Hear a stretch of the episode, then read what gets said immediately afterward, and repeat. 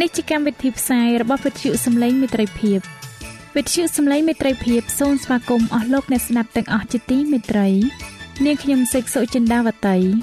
ហើយខ្ញុំបាទអង្គច័ន្ទវិជ្ជៈក៏សូមស្វាគមន៍លោកអ្នកស្ដាប់ទាំងអស់ផងដែរនៅពេលនេះយើងខ្ញុំមានសេចក្តីសុំមនស្សរីករាយដែលបានវិលមកជួបអស់លោកអ្នកនាងកញ្ញាអ្នកស្ដាប់សាជាថ្មីម្ដងទៀត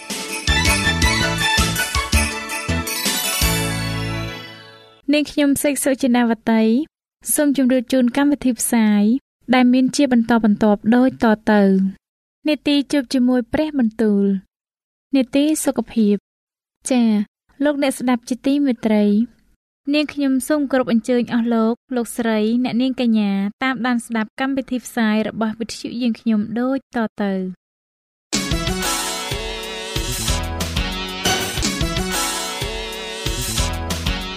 នេតិជួបជាមួយព្រះបន្ទូល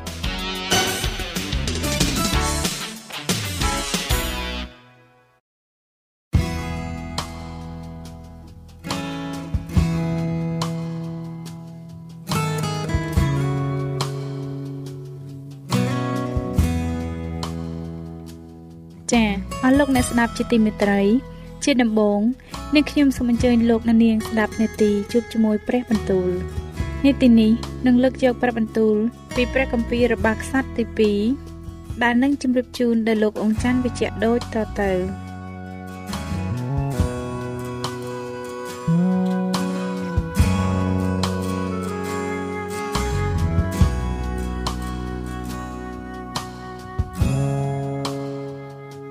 ព្រះគម្ពីររបស់ខ្សត្រទី2ជំពូកទី2ឯសាឡូមោនទ្រង់ក៏បង្គាប់ឲ្យស្អាងព្រះវិហារសម្រាប់ព្រះនាមព្រះយេហូវ៉ានិងព្រះរាជវាំងសម្រាប់នគរទ្រង់រួចទ្រង់តម្រូវឲ្យមានមនុស្ស70000នាក់សម្រាប់លីសែងនិង80000នាក់សម្រាប់កាប់ឈើនៅឯភ្នំហើយ3600នាក់សម្រាប់ជាអ្នកត្រួតលើគេទ្រង់ក៏ចាត់សារទៅឯហ៊ីរ៉ាមជាស្ដេចក្រុងទេរ៉ូថា ពីដើមទ្រង់បានផ្ញើឈើតាត្រៅមកថ្វាយដាវីត ជាបិតាទូបង្គំសម្រាប់ធ្វើជាតំណាងឲ្យទ្រង់គង់ឥឡូវនេះក៏សូមទ្រង់ប្រោះមេត្តាដល់ទូបង្គំដូច្នោះដែរមើលទូបង្គំរៀបនឹងស្អាងព្រះវិហារសម្រាប់ព្រះនាមព្រះយេហូវ៉ាជាព្រះនៃទូបង្គំដើម្បីថ្វាយដល់ទ្រង់ទុកជាទីដុតគ្រឿងមានក្លិនក្រអូបទុកជាទីដុតគ្រឿងមានក្លិនក្រអូបនៅចំពោះទ្រង់និងជាទីតម្កល់នំប៉័ងតាំងទុកជានិច្ចព្រមទាំងថ្វាយដង្វាយដុតទាំងពេលព្រឹកនិងពេលល្ងាច ហើយនៅថ្ងៃឈប់សម្រាកថ្ងៃចូលខែនិងនៅអស់ទាំងបុណ្យមានកំណត់នៃព្រះយេហូវ៉ាជាព្រះនៃយើងខ្ញុំរាល់គ្នាដូចជាបានបង្គាប់មកសាសអ៊ីស្រាអែលឲ្យធ្វើជាតារាតទៅឯព្រះវិហារដែលទូបង្គំគិតស្អាងនោះធំណាស់បិទព្រះនៃយើងខ្ញុំរាល់គ្នាទ្រង់ធំប្រសើរលើសជាងអស់ទាំងព្រះប៉ុន្តែតើមានអ្នកឯណាដែលអាចនឹងស្អាងព្រះវិហារថ្វាយទ្រង់បានបិទផ្ទៃមេឃ និងអស់ទាំងជាន់នៃផ្ទៃមេឃមិនលមមឲ្យទ្រង់គង់ចោះទៅហើយដូច្នេះតើទូបង្គំជាអ្វីដែលអាចនឹងស្អាងព្រះវិហារថ្វាយទ្រង់បានលើកតែលមមនិងដុតគ្រឿងក្រអូបនៅចំពោះទ្រង់ប៉ុណ្ណោះដូច្នេះសូមចាត់ជាងម្នាក់មកជាអ្នកដែលមានធ្វើដៃក្នុងការធ្វើមាសប្រាក់ដង្ហិនដែកសម្ពុតពណ៌ស្វាយពណ៌ក្រហមនិងពណ៌ខៀវហើយដែលចេះឆ្លាក់ចម្លាក់គ្រប់ចម្ពោះផងឲ្យបាននៅជាមួយនឹងពួកជាងប៉ុនប្រសព ដែលនៅស្រុកយូដាហើយនៅក្រុងយេរូសាឡឹមជាមួយនឹងទូបង្គំ ជាពួកអ្នកដែលដាវីតបិតាទូបង្គំបានប្រគត់ប្រគំសូមបញ្ជូនឈើតាត្រៅឈើកកោះនិងឈើច័ន្ទពីភ្នំលបាណូនមកឲ្យទូបង្គំបើទូបង្គំដឹងថាពួករបស់ទ្រង់គេចេះកាប់ឈើនៅព្រៃលបាណូនស្រាប់មើលពួកខាងទូបង្គំនឹងធ្វើការជាមួយនឹងគេ ដើម្បីនឹងត្រៀមឈើទុកឲ្យទូបង្គំជាបរិបូរណ៍ បិទព្រះវិហារដែលទូបង្គំបំរុងនឹងស្អាងនេះត្រូវតែបានធំអស្ចារ្យនោះទូបង្គំនឹងឲ្យស្រូវផូចសាលី បញ្ជាន់ស្រាប់20000នឹងវល់ស្រូវអុក20000នឹងវល់ស្រាតំពាំងបាយជូរ20000នឹងវល់និងប្រេង20000នឹងវល់ដល់ពួកជាងរបស់ទ្រង់ដែលកាប់ឈើនោះដូច្នេះហ៊ីរ៉ាម ជាស្ដេចក្រុងទីរ៉ូទ្រង់ក៏ធ្វើសារផ្ញើមកឆ្លើយតបនឹងសាឡូមោនថាព្រះយេហូវ៉ាទ្រង់ស្រឡាញ់រាជរបស់ទ្រង់ បានជាតាំងព្រះករុណាឡើងជាស្ដេចលើគេ ក្នុងសារនោះទីរ៉ាមមានបន្ទូលទៀតថាសូមឲ្យព្រះយេហូវ៉ាជាព្រះនៃសាសអ៊ីស្រាអែលដែលបានបង្កើតផ្ទៃមេឃនិងផែនដីទ្រង់បានព្រះពរគឺជាព្រះដែលបានប្រទានឲ្យស្ដេចដាវីតមានព្រះរាជបុត្រាប្រកបដោយប្រាជ្ញា តម្រេះនិងយោបល់អាចនឹងស្អាងព្រះវិហារថ្វាយព្រះយេហូវ៉ានិងព្រះរាជវាំងសម្រាប់នគរទ្រង់ឥឡូវទូបង្គំបានឲ្យជាងជំនាញការម្នាក់ឈ្មោះហ៊ីរ៉ាម ជាជាងរបស់បិតាទូបង្គំ ជាអ្នកប្រកបដោយយោបល់មក គឺជាកូនរបស់ស្រីស្រុកដានម្នាក់ដែលឪពុកជាអ្នកក្រុងទីរ៉ូអ្នកនេះជាអ្នកជំនាញក្នុងការធ្វើមាសប្រាក់លង្ហិនដែកថ្មឈើនិងសម្ពុតពណ៌ស្វាយពណ៌ខៀវសម្ពុតតេះឯកយ៉ាងម៉ត់ហើយនឹងសម្ពុតពណ៌ក្រហមក៏ចេះឆ្លាក់ចម្លាក់គ្រប់ជំពូក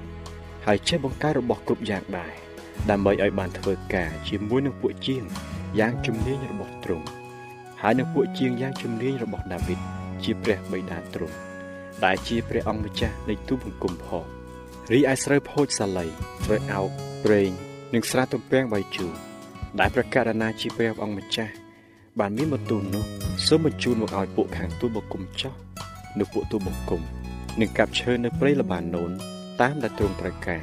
បញ្ជូនមក ដោយក្បូនតាមសមុទ្រដល់ក្រុងយូពេថ្វាយដល់ទ្រង់ឲ្យទ្រង់នាំឡើងទៅឯក្រុងយេរូសាឡឹមចោះដូច្នេះសាឡូមោនទ្រង់រាប់ពួកសាសដតីដែលស្នាក់នៅស្រុកអ៊ីស្រាអែលទាំងអស់តាមបញ្ជីដែលដាវីតជាព្រះបិតាបានរាប់កំណត់ទុកឃើញមានចំនួន153,600នាក់ទ្រង់ក៏ដាក់ឲ្យ70000នាក់ធ្វើការលិស័យ80000នាក់ឲ្យកាប់ឈើនៅភ្នំហើយ3600នាក់ ឲ្យធ្វើជាអ្នកត្រួតត្រាការ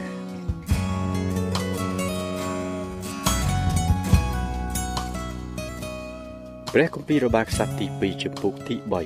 3រួចមក សាឡូមោនទ្រង់បានចាប់តាំងស្អាងព្រះវិហារនៃព្រះយេហូវ៉ានៅលើភ្នំម៉ូរីយ៉ាក្នុងក្រុងយេរូសាឡឹមត្រង់កន្លែងដែលព្រះយេហូវ៉ា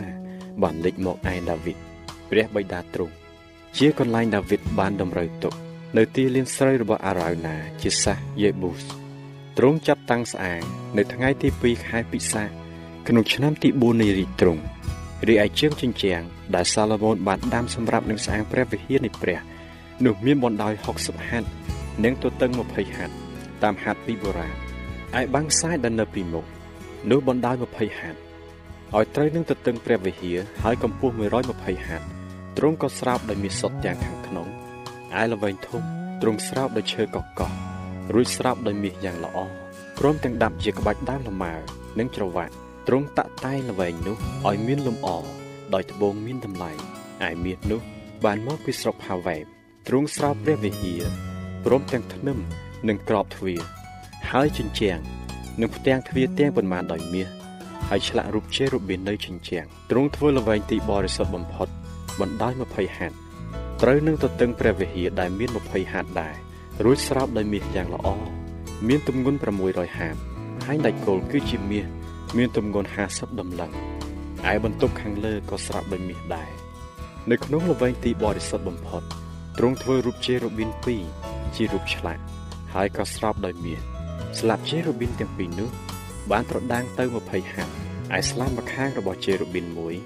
មានប្រវែង5ហត្ថ ត្រដាងទៅទល់នឹងជញ្ជាំងល្វែងហើយស្លាបមួយទៀតប្រវែង5ហត្ថត្រដាងទៅទល់នឹងស្លាបជេរូប៊ីនម្ខាងហើយស្លាបជេរូប៊ីនម្ខាងនោះក៏ប្រវែង5ហត្ថត្រដាងទៅទល់នឹងជញ្ជាំងម្ខាងល្វែងនោះហើយស្លាបមួយទៀតក៏ប្រវែង5ហត្ថត្រដាងទៅទល់នឹងស្លាបជេរូប៊ីនម្ខាងដូច្នេះ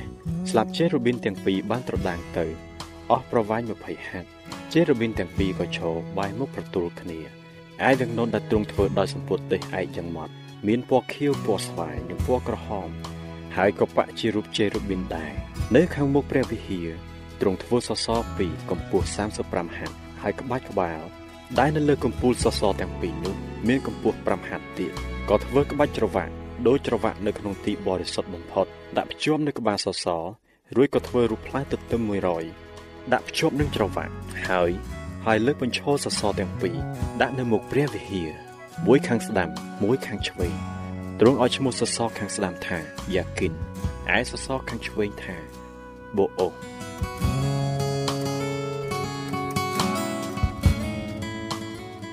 ព្រះគម្ពីររបស់ក្សត្រទី2ចំពោះទី4ទ្រង់ធ្វើអាសនៈលង្ហិនបណ្ដោយ20ហត្ថទទឹង20ហត្ថហើយកម្ពស់10ហត្ថក៏សិតធ្វើសមុទ្រមានរាងមូលទំហំ10ហត្ថពីមួយម្ខាងទៅម្ខាង ហើយកម្ពស់5ហត្ថយកខ្សែវាស់ជុំវិញត្រូវជា30ហត្ថនៅពីក្រោមកែមាត់សមុទ្រនោះ មានរូបផ្កាក្រពុំ10ក្នុងមួយហត្ថនៅព័ទ្ធជុំវិញ មានសិតជាពីរជួរស្រេចក្នុងការលសិតសមុទ្រនោះតែម្ដងសមុទ្រនោះដាក់នៅលើរូបគោ12ដែលមាន3បែរទៅខាងជើង3បែរទៅខាងលិច3បែរទៅខាងត្បូងហើយ3បែរទៅខាងកើតសមុទ្រនៅពីលើ ហើយគោទាំងនោះបែរគោទៅខាងក្នុងទាំងអស់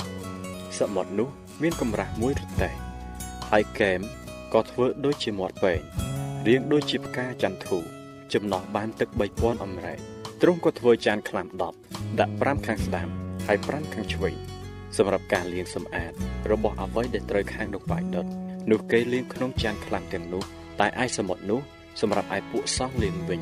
ទ្រង់ធ្វើជើងចង្គៀង12មាសតាមច្បាប់នៃជើងចង្គៀងទាំងនោះក៏យកទៅដាក់ក្នុងព្រះវិហារ 5ខាងស្ដាំហើយ5ខាងឆ្វេងក៏ធ្វើតុ10ដាក់ក្នុងព្រះវិហារ5ខាងស្ដាំហើយ5ខាងឆ្វេងរួចធ្វើផ្ដិលមាស100ទ្រង់ធ្វើទីលានសម្រាប់ពួកសង្ឃនិងទីលានធំព្រមទាំងទ្វារសម្រាប់ទីលានហើយស្រោបទ្វារទាំងនោះដោយលង្ហិនទ្រង់ដាក់សមុទ្រនៅខាងស្ដាំនៅចុងខាងកើតរបស់ព្រះវិហារគឺឈានទៅខាងត្បូងហ៊ីរ៉ាមធ្វើឆ្នាំងចប់ជោគនិងខ្ទះទាំងប៉ុន្មានដែរដូច្នេះ ហ៊ីរ៉ាមបានធ្វើសម្រេចការទាំងប៉ុន្មាននោះដែលគាត់ធ្វើថ្វាយស្ដេចសាឡូមោននៅក្នុងព្រះវិហារនៃព្រះ គឺសសរទាំងពីរតួក្បាលសសរទាំងពីរដែលនៅលើកំពូលសសរនោះព្រមទាំងក្បាច់រាងក្រឡា4សម្រាប់បាំងតួក្បាលសសរដែលនៅលើកំពូលនោះនិងផ្លែទទឹម400សម្រាប់ក្បាច់ក្រឡា4ទាំងពីរគឺជាផ្លែទទឹម2ជួរក្នុងក្បាច់ក្រឡា4មួយសម្រាប់នឹងបាំងតួក្បាលសសរដែលនៅពីលើនោះគាត់ក៏ធ្វើក្រង និងចានខ្លាំងដាក់នៅលើក្រងទាំងនោះសមុទ្រមួយនិងគោ12ត្រពីក្រោមឆ្នាំងចបជោគសមនិងគ្រឿងប្រដាប់ទាំងប៉ុន្មានឯបណ្ដាការទាំងនោះហ៊ីរ៉ាមជាមេជាង បានធ្វើពីលង្ហិនយ៉ាងភ្លឺថ្វាយស្ដេចសាឡូមោនសម្រាប់ព្រះវិហារនៃព្រះយេហូវ៉ាស្ដេចទ្រង់បានសិតធ្វើទាំងអស់នៅក្នុងពុំដីឥដ្ឋត្រង់វិលទន្លេយ៉ូដានកណ្ដាលភូមិសេកូតនិងសាថា គឺយ៉ាងនោះដែលសាឡូមោនបានធ្វើប្រដាប់ប្រដាទាំងនោះយ៉ាងសន្ធឹកណាស់ត្បិតលង្ហិនទាំងនោះរកដឹងទម្ងន់មិនបានសាឡូមោនទ្រង់ធ្វើគ្រឿងប្រដាប់ទាំងប៉ុន្មានដែលនៅក្នុងព្រះវិហារនៃព្រះគឺអាសនៈមាសនិងតុទាំងប៉ុន្មានសម្រាប់ដាក់នំប៉័ងតាំងទុកហើយនឹងជើងចង្គៀងនិងតួចង្គៀងពីមាសសុទ្ធសម្រាប់ដុតតាមច្បាប់នៅមុខទីទួលសួរដល់ព្រះហើយផ្កាចង្គៀងនិងគ្នាប្រឆេះក៏ធ្វើពីមាសដែរគឺជាមាសយ៉ាងសុទ្ធបំផុត ឯក្របប្រឆេះចានខ្លាំកូនចាន និងពៀនក៏ធ្វើពីមាសសុទ្ធចំណែកទ្វារចូលក្នុងព្រះវិហារនិងទ្វារខាងក្នុងដែលសម្រាប់ចូលទីបរិសុទ្ធបំផុតព្រមទាំងទ្វារនៃព្រះវិហារទាំងប៉ុន្មាននោះសុទ្ធតែធ្វើពីមាសទាំងអស់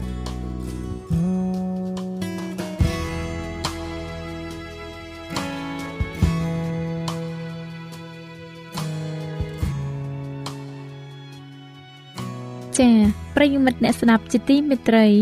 ដោយពេលវេលាមានកំណត់ យើងខ្ញុំសូមផ្អាកនេតិជួបជាមួយព្រះបន្ទូលនេះត្រឹមតែប៉ុណ្ណេះសិនចុះដោយសន្យាថានឹងលើកយកនីតិនេះមកជម្រាបជូនជាបន្តទៀតនៅថ្ងៃស្អែកសូមអរគុណ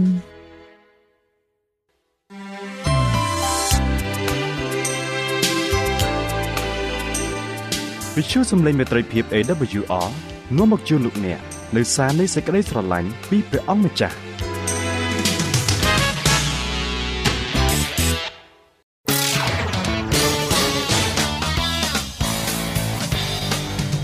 សូមជូននីតិសុខភាព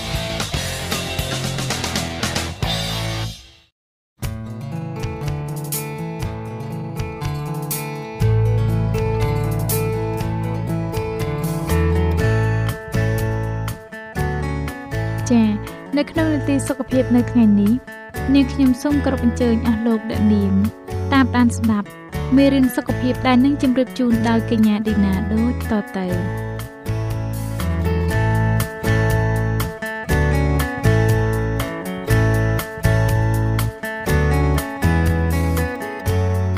ចា៎អ្នកខ្ញុំសូមជម្រាបសួរដល់អស់លោកអ្នកស្ដាប់ជាទីមេត្រីសូមឲ្យលោកអ្នកបានប្រកបដោយប្រពរនិងប្រគុណតាមរយៈមេរៀនសុខភាពនេះ នាងខ្ញុំមានអំណរណាស់ដែលបានវិលមកជួបលោកអ្នកសាជាថ្មីម្ដងទៀតដែលនាំមកនៅមេរៀនថ្មីមួយទៀតដែលលោកអ្នកកំពុងតែទន្ទឹងរង់ចាំមេរៀននេះមានចំណងជើងថាសេចក្តីស្រឡាញ់មនុស្សជាច្រើនតែងឲ្យនិយមន័យពីសេចក្តីស្រឡាញ់ខុសៗគ្នាទៅតាមបទពិសោធន៍និងតាមការយកឃើញរបស់ខ្លួន ហើយតើសេចក្តីស្រឡាញ់ពិតប្រាកដជាអ្វី អស់លោកអ្នកស្ដាប់ជាទីមេត្រីពាក្យថាសេចក្តីស្រឡាញ់ត្រូវបានគេប្រើជាទូទៅសម្រាប់បង្ហាញពីអារម្មណ៍ពិតមួយដល់នរណាម្នាក់ឬដល់អ្វីមួយរីឯពាក្យថាស្នេហានៅក្នុងសង្គមខ្មែរយើងគេច្រើនប្រើពាក្យនេះដែលសំដៅទៅលើមនុស្សពីរនាក់ដែលស្រឡាញ់គ្នាតើសេចក្តីស្រឡាញ់មានអត្ថប្រយោជន៍អ្វីខ្លះដល់សុខភាពខាងរាងកាយខាងផ្លូវអារម្មណ៍ខាងព្រលឹងវិញ្ញាណនិងខាងជីវិតរស់នៅរបស់យើងនិងដល់សង្គមរបស់យើងសប្តាហ៍ថ្ងៃនេះចាមេរៀននេះទាំងមូលនឹងបានជាចម្លើយសម្រាប់ដល់អស់លោកអ្នក ដូច្នេះនាងខ្ញុំសូមគោរពអញ្ជើញអស់លោកអ្នកនាងតាមដានស្ដាប់ជាមួយនឹងនាងខ្ញុំដូចតទៅលោកអ្នកមិនអាចមើលឃើញសេចក្តីស្រឡាញ់ទេតែលោកអ្នកអាចញៀនដឹងពីអត្តពលដ៏មានមហិទ្ធិឫទ្ធិរបស់វាសម្រាប់ដល់តេទៀងនេះមាននៅក្នុងទំនាក់ទំនងមាននៅក្នុងទីរក់ដែលទៅនឹងកើតមកជាការទទួលអំណោយដោយចៃដន្យនិងការសះស្បើយពីជំងឺឡើងវិញជាដើម វាចាក់បំពេញបេះដូងដោយភាពរីករាយដល់អណ្ដែតអណ្ដូងព្រមទាំងធ្វើឲ្យយើងសុខចិត្តទ្រាំទ្រនិងទុកលំបាកហើយធ្វើការដែលមិននឹកស្មានដល់វាវិសេសវិសាលណាស់ហើយអាចទាញចិត្តនិងចិត្តឲ្យចូលគ្នាបានសេចក្តីស្រឡាញ់គឺជាកម្លាំងជំរុញចិត្តដែលខ្លាំងជាងគេបង្អស់លើលោកនេះ កវីនិពន្ធល្បីៗបានតាក់តែងឲ្យមានភាពអន្លងអន្លោចនៃសេចក្តីស្រឡាញ់ដែលព្រះបានបង្ហាញវាយ៉ាងពេញលេញដល់យើងពិតមែនហើយសេចក្តីស្រឡាញ់គឺជាអំណោយទានដ៏ពិសេសដែលព្រះប្រទានមកឲ្យយើងរាល់គ្នាចាអរលោកអ្នកស្ដាប់ជាទីមេត្រីសូមលោកអ្នកស្ដាប់រឿងមួយសិនដែលមានចំណងជើងថា Rob រៀនឲ្យចេះស្រឡាញ់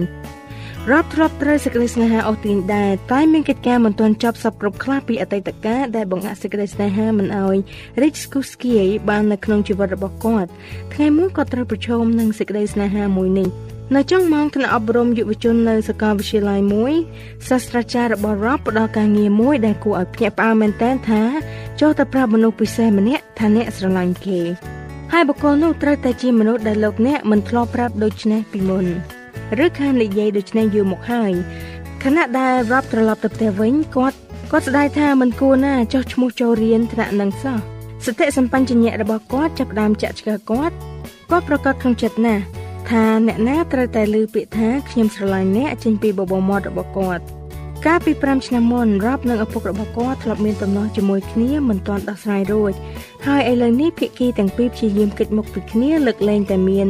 ពិធីជួបជុំក្រុមគ្រួសារ សាច់ញាតិម្ដងម្កាលប៉ុណ្ណោះហើយបើទោះជាមានក៏ដោយក៏ពួកគេទាំងពីរមិនសូវស្រដីនឹងគ្នាដែរពេលទៅដល់ផ្ទះហើយរាប់ប្រកាសក្នុងចិត្តណាស់ចំពោះមនុស្សដែលគាត់ត្រូវបង្ហាញសេចក្តីស្រឡាញ់ទៅដល់ពួកគេដោយត្រេកអរនឹងកិច្ចការដែលត្រូវដាក់ឲ្យធ្វើពេកគាត់ក៏ដាស់ប្រពន្ធខ្លួនឲ្យក្រោកឡើងហើយគាត់ក៏និយាយថាបងស្រឡាញ់អូនហើយនាងបន្លឺសំឡេងឡើងដោយរំភើបហើយអោបគាត់ការឆ្លើយតបរបស់នាងធ្វើឲ្យគាត់ក្តុកក្តួលជាខ្លាំងរហូតដល់ហូរទឹកភ្នែកនេះជាលើកទី1ហើយដែលនាងឃើញប្តីខ្លួនរំជើបរំជួលដល់ថ្នាក់នេះលុះព្រឹកឡើងគាត់ក៏ហៅទូរស័ព្ទទៅកាន់ឪពុករបស់គាត់ដោយក្តីរំភើបថាពុកខ្ញុំទៅជួបពុកឯងបន្ទាប់ពីចេញពីកន្លែងការងារបានទេខ្ញុំមានរឿងខ្លះចង់ជម្រាបពុកឪពុកតបមកវិញយ៉ាងដូចនេះថាស្អីទៀតហើយឥឡូវហ្នឹងរួចគាត់តបបញ្ជាក់ទៅវិញទៀតថាមិនយូរទេពុក ចេញពីការងារភ្លាមរ៉បក៏ទៅដល់ឈរពីមុខផ្ទះរបស់ឪពុកខ្លួន មានអារម្មណ៍ភ័យអរផងនោះពេលចិត្តកណ្ដឹងបណ្ដាគាត់បានឲ្យឪពុករបស់គាត់ជាអ្នកមកបើកទ្វារកុំឲ្យម្ដាយរបស់គាត់មកបើកទ្វារអីគ្រាន់តែឪពុកគាត់បើកទ្វារចេញមកភ្លាមគាត់ក៏ស្ដីឡើងដោយមិនបងអង្គយូថាពុកកូនស្រឡាញ់ពុកកូនចង់និយាយតែប៉ុណ្្នឹងឯងកូនស្រឡាញ់ពុក ប៉ុន្មានថ្ងៃក្រោយមកក្នុងសប្តាហ៍ដដែលនោះរ៉បក៏រៀបរាប់ពីដំណើរនៃការផ្លាស់ប្ដូរដ៏អស្ចារ្យមួយ កាវភ្នែកលោកឪពុកត្រឡប់ទៅជាស្រទន់ហើយទឹកភ្នែកក៏ពោឡើងគាត់គាត់ត្រដាងដៃជងមកអោបរាប់ដល់និយាយថាកូនប្រុសពុកក៏ស្រឡាញ់កូនដែរគ្រាន់តែពុកហាមាត់និយាយប្រាប់កូនមិនកើតរួចគាត់ទាំងពីរក៏អោបគ្នាម្ដងទៀតហើយរាប់វិញទទួលបានអារម្មណ៍ផ្លូវចិត្តដែលធ្លាប់តែខ្ទេចខ្ទាំបានជាសះស្បើយឡើងវិញហើយ គឺប្រៀបបាននឹងការដែលប្រលឹងរបស់គាត់ត្រូវបានលាងសម្អាតជាថ្មី ការនោះធ្វើឲ្យមានអារម្មណ៍ល្អជាពន់ពេកពេលថ្ងៃក្រោយមកឪពុករបស់រ៉បកាំងបេះដូងហើយត្រូវបញ្ជូនទៅមន្ទីរពេទ្យរ៉បប្រាប់ទៅដល់ថ្នាក់រៀនថាបើសិនជាខ្ញុំចាំតែពី3ថ្ងៃទៀតម្លេះខ្ញុំប្រហែលជាគ្មានឱកាសផ្សះផ្សាជាមួយគាត់ទេឥឡូវនេះបើទោះបីជាគាត់ស្លាប់ឬរស់ក៏ខ្ញុំទាំងពីរបានដោះស្រាយបញ្ហាពីមុនរួចរាល់ហើយដែរ ខ្ញុំប្រាប់គាត់ថាខ្ញុំស្រឡាញ់គាត់ហើយខ្ញុំនឹងចងចាំនៅពាក្យដែលគាត់បាននិយាយមកខ្ញុំជានិច្ចថាពុកក៏ស្រឡាញ់កូនដែររួចគាត់ក៏ទូមានដល់មិត្តរួមថ្នាក់ថាត្រូវចំណាយពេលវេលាទៅនិយាយឬធ្វើអ្វីដែលអ្នកត្រូវធ្វើ គឺធ្វើឥឡូវនេះតែម្ដងទម្រាំដល់ស្អែកប្រយ័ត្នហួសពេល ចា៎នេះខ្ញុំជឿជាក់ថានៅក្នុងឆាកជីវិតរបស់លោកអ្នកអាចនឹងមានមនុស្សម្នាក់ដែលត្រូវការពាក្យថាខ្ញុំស្រឡាញ់អ្នកពាក្យទាំងនេះអាចនឹងពិបាកនិយាយណាស់ជួនកាលការធុញទ្រាន់ឬខ្នក់ចិត្តនឹងគ្នាទៅវិញទៅមក តែកើតមានរវាងលោកអ្នកនិងអ្នកដែលចិត្តដិតនឹងលោកអ្នកអ្នកខ្លះមានចរិតច្រងៀងច្រងាងហើយលោកអ្នកប្រហែលជាព្រួយបារម្ភ មិនថាពួកគេនឹងប្រតិកម្មយ៉ាងណាចំពោះការស្ដែងឲ្យដឹងនៅសេចក្តីស្រឡាញ់ឬពេញចិត្តរបស់យើងចំពោះគេប៉ុន្តែមិនថាគេនឹងប្រតិកម្មយ៉ាងណានោះទេយើងត្រូវតែនិយាយពាក្យទាំងនោះទាំងការបង្ហាញពីសេចក្តីស្រឡាញ់និងទទួលបានសេចក្តីស្រឡាញ់សុទ្ធតែជាថ្នាំព្យាបាលដ៏ស័ក្តិសិទ្ធិបំផុតសេចក្តីស្រឡាញ់គឺជាការសម្រេចចិត្តហើយរាប់សុខចិត្តបង្ហាញសេចក្តីស្រឡាញ់របស់គាត់ចំពោះឪពុកខ្លួនអ្វីដែលគាត់ឆ្លងកាត់នោះគឺជាដំណាក់កាលមួយនៃការផ្ដល់និងទទួលក្តីស្រឡាញ់ ចាសសេចក្តីស្រឡាញ់គឺជាធាតុខ្សត់ខ្សាមួយជួយឲ្យជារាល់វិវាទធំតូចទាំងឡាយបានចាឲ្យតែលោកអ្នកមានសេចក្តីស្រឡាញ់ពិតប្រាកដនោះប្រកាសជាដោះស្រាយបានអ្នកចិត្តសាស្ត្រម្នាក់ឈ្មោះ Thomas P Malone ជឿថាតម្រូវការដ៏ចម្បងរបស់មនុស្សយើងគឺជាសេចក្តីស្រឡាញ់លោកមានប្រសាសន៍ថារាល់បញ្ហានៃផ្លូវអារម្មណ៍គឺមានប្រភពមកពីការបាត់បង់សេចក្តីស្រឡាញ់គឺប្រៀបបាននឹងក្នុងចិត្តមនុស្សម្នាក់គេកំពុងស្រែកដងហើយថាចូលស្រឡាញ់ខ្ញុំមកចូលស្រឡាញ់ខ្ញុំមកគឺត្រូវការតែប៉ុណ្្នឹងឯងមនុស្សម្នាក់នេះត្រូវឆ្លងកាត់រឿងរាប់លានតម្រាំតែបាននរណាម្នាក់ស្រឡាញ់ខ្លួន ប៉ុន្តែតើយើងមានដឹងថាមានមនុស្សម្នាក់បានស្រឡាញ់យើងរួចជាស្រេចដែរឬទេតែយើងដឹងថាព្រះអធិការរបស់យើងបង្ហាញសេចក្តីស្រឡាញ់របស់ទ្រង់មកយើងច្រើនប៉ុណ្ណាទេក្នុងមួយថ្ងៃមួយថ្ងៃចាអ្នកស្រាវជ្រាវជាច្រើនបានធ្វើការសិក្សាបង្ហាញពីអត្តពលនៃក្តីស្រឡាញ់មកលើជីវិតរបស់យើងជាពិសេសសម្រាប់ការព្យាបាលនិងសុខុមាលភាពរបស់យើងលោកវិជ្ជបណ្ឌិត Dean Ornish ដែលជាអ្នកស្រាវជ្រាវ លើរបៀបនៃការរស់នៅនិងការជាសះស្បើយឡើងវិញនៃជំងឺបេះដូងដែលត្រូវបានគេទទួលស្គាល់ក្នុងសហគមន៍ពេទ្យបានសរសេរក្នុងសៀវភៅរបស់គាត់មួយដែលមានចំណងជើងថាសេចក្តីស្រឡាញ់និងភាពស្និទ្ធស្នាលគឺជាឫសគល់ដែលបណ្ដាលឲ្យយើងឈឺឬជាសុខសប្បាយអាចនាំឲ្យកើតទុក្ខនិងភាពសប្បាយរីករាយជាចាប់និងជាសះស្បើយសេចក្តីស្រឡាញ់ជាថ្នាំដ៏ស័ក្តិសិទ្ធិសម្រាប់ព្យាបាលនិងការរស់នៅប្រកបដោយសុខភាពល្អសេចក្តីនេះគឺការពិត យើងត្រូវបង្ហាញក្តីស្រឡាញ់ឲ្យបានញឹកញាប់ថែមទៀតទៅកាន់អ្នកដែលមានអារម្មណ៍ស្មុគស្មាញរងការឈឺចាប់ឬមានជំងឺដើម្បីឲ្យការព្យាបាលដ៏អស្ចារ្យបានកើតឡើងតាមមានអ្វីប្លែកកើតឡើងចំពោះសុខភាពរបស់យើងទេបើសិនជាយើងមានអ្នកផ្ដល់ក្តីស្រឡាញ់ឲ្យការស្រាវជ្រាវបានបង្ហាញឲ្យឃើញថាការខ្វះសេចក្តីស្រឡាញ់គឺស្ទើរតែជាកត្តាដ៏ពិតប្រាកដមួយដែលនាំឲ្យមានបញ្ហាសុខភាពនិងការស្លាប់មុនអាយុ ការស្រាវជ្រាវរបស់ជនជាតិស៊ុយអែតដែលបានតាមដានបរិសនិងនារីចំនួន17,000នាក់ដែលមានអាយុពី29ទៅ74ឆ្នាំរយៈពេល6ឆ្នាំអ្នកដែលនៅឯកោះដាច់ឆ្ងាយពីគេ គឺប្រឈមមុខទៅនឹងការស្លាប់មុនអាយុស្ទើរតែ4ដងក្នុងកំឡុងពេលនៃការស្រាវជ្រាវនេះ។ ការស្រាវជ្រាវមួយទៀតរបស់សាកលវិទ្យាល័យ Duke ដែលដឹកនាំដោយវិជ្ជបណ្ឌិត Bradford Williams បានសិក្សាទៅលើបុរសនិងស្ត្រីចំនួន1400នាក់ដែលធ្លាប់ព្យាបាលជំងឺបេះដូងដោយប្រើកាំរស្មី X ពីព្រោះសរសៃឈាមចេញពីបេះដូងស្ទះខ្លាំងលោកបានរកឃើញថា5ឆ្នាំក្រោយមក50%នៃអ្នកទាំងនោះដែលមិនបានរៀបការឬគ្មានទំនុកចិត្តលើខ្លួនឯងសុទ្ធតែស្លាប់ពួកគេងាយនឹងស្លាប់3ដងច្រើនជាងអ្នកដែលបានរៀបការឬមានទំនុកចិត្តលើខ្លួនឯង នៅដើមទសវត្សរ៍ឆ្នាំ50និស្សិតនៃសាកលវិទ្យាល័យ Harvard ចំនួន126នាក់ដែលមានសុខភាពមាំមួនត្រូវបានគេឲ្យវិតម្លៃទៅលើទំនាក់ទំនងរបស់ពួកគេទៅនឹងឪពុកម្ដាយដោយប្រើពាក្យដូចជាថាចិត្តស្និទ្ធខ្លាំងកក់ក្ដៅនឹងរស់រាយទទួលយកបានឬពិបាកឲ្យសក់អង្គើជាដើម35ឆ្នាំក្រោយមកគេក៏យកកំណត់ត្រាសុខភាពរបស់ពួកគេមកត្រួតពិនិត្យ47%នៃអ្នកដែលប្រាប់ថា ទំនាក់ទំនងជាមួយក្រុមគ្រួសារមានសភាពចិត្តស្និទ្ធខ្លាំងឬកក់ក្ដៅនិងរស់រាយមានជំងឺធ្ងន់ធ្ងរតែមានរហូតដល់ទៅ100%ឯណោះនៃអ្នកដែលប្រាប់ថាទំនាក់ទំនងជាមួយឪពុកម្ដាយរបស់ខ្លួនមានការពិបាកហើយសក់អង្គើយចាអស់លោកអ្នកស្ដាប់ជាទីមេត្រីពេលវេលានៃនីតិសុខភាពរបស់យើងបានមកដល់ទីបញ្ចប់ហើយនេះខ្ញុំនឹងវិលមកជួបលោកអ្នកម្ដងទៀតតាមពេលវេលានឹងម៉ោងដដែលដោយពំនាំនៅភាគ ទី2នៃមេរៀនដដែលនេះមកជូនលោកអ្នកនៅសប្តាហ៍ក្រោយទៀតចាដូច្នេះសូមអរប្រជាម្ចាស់ប្រទានពរដល់អស់លោកអ្នកបងប្អូនទាំងអស់គ្នាសម្រាប់ពេលនេះនាងខ្ញុំឌីណាសូមអរគុណសូមជម្រាបលា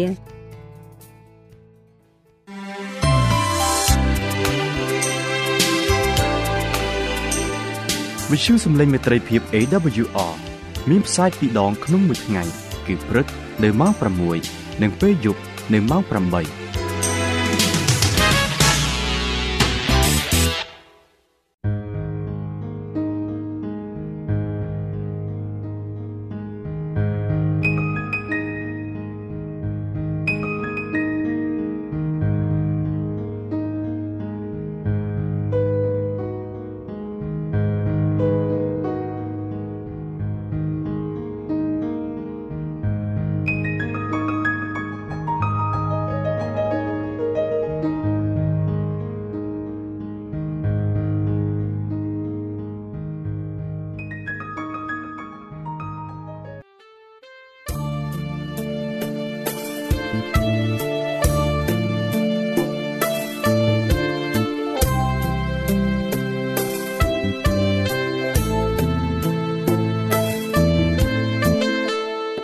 សិនជាលោកអ្នកមានសំណួរឬសំណុំពរអ្វីសូមតាក់ទងមកការិយាល័យវិទ្យុយើងខ្ញុំ តាមអាស័យដ្ឋានផ្ទះលេខ15ផ្លូវលេខ568សង្កាត់បឹងកក់2ខណ្ឌទួលគោករាជធានីភ្នំពេញលោកអ្នកក៏អាចសរសេរសម្បត្តិផ្ញើមកយើងខ្ញុំ តាមរយៈប្រអប់សម្បត្តិលេខ488ភ្នំពេញឬតាមទូរស័ព្ទលេខ012 34 96 64ឬ097 80 81 060ឬក៏តាមរយៈអ៊ីមែល vol@awr.org យើងខ្ញុំរងចាំទទួលស្វាគមន៍អស់លោកអ្នកនាងដោយក្តីសោមនស្សរីករាយហើយលោកអ្នកក៏អាចស្ដាប់កម្មវិធីនេះឡើងវិញដោយចូលទៅកាន់ website របស់វិទ្យុយើងខ្ញុំ តាមរយៈអាស័យដ្ឋាន www.awr.org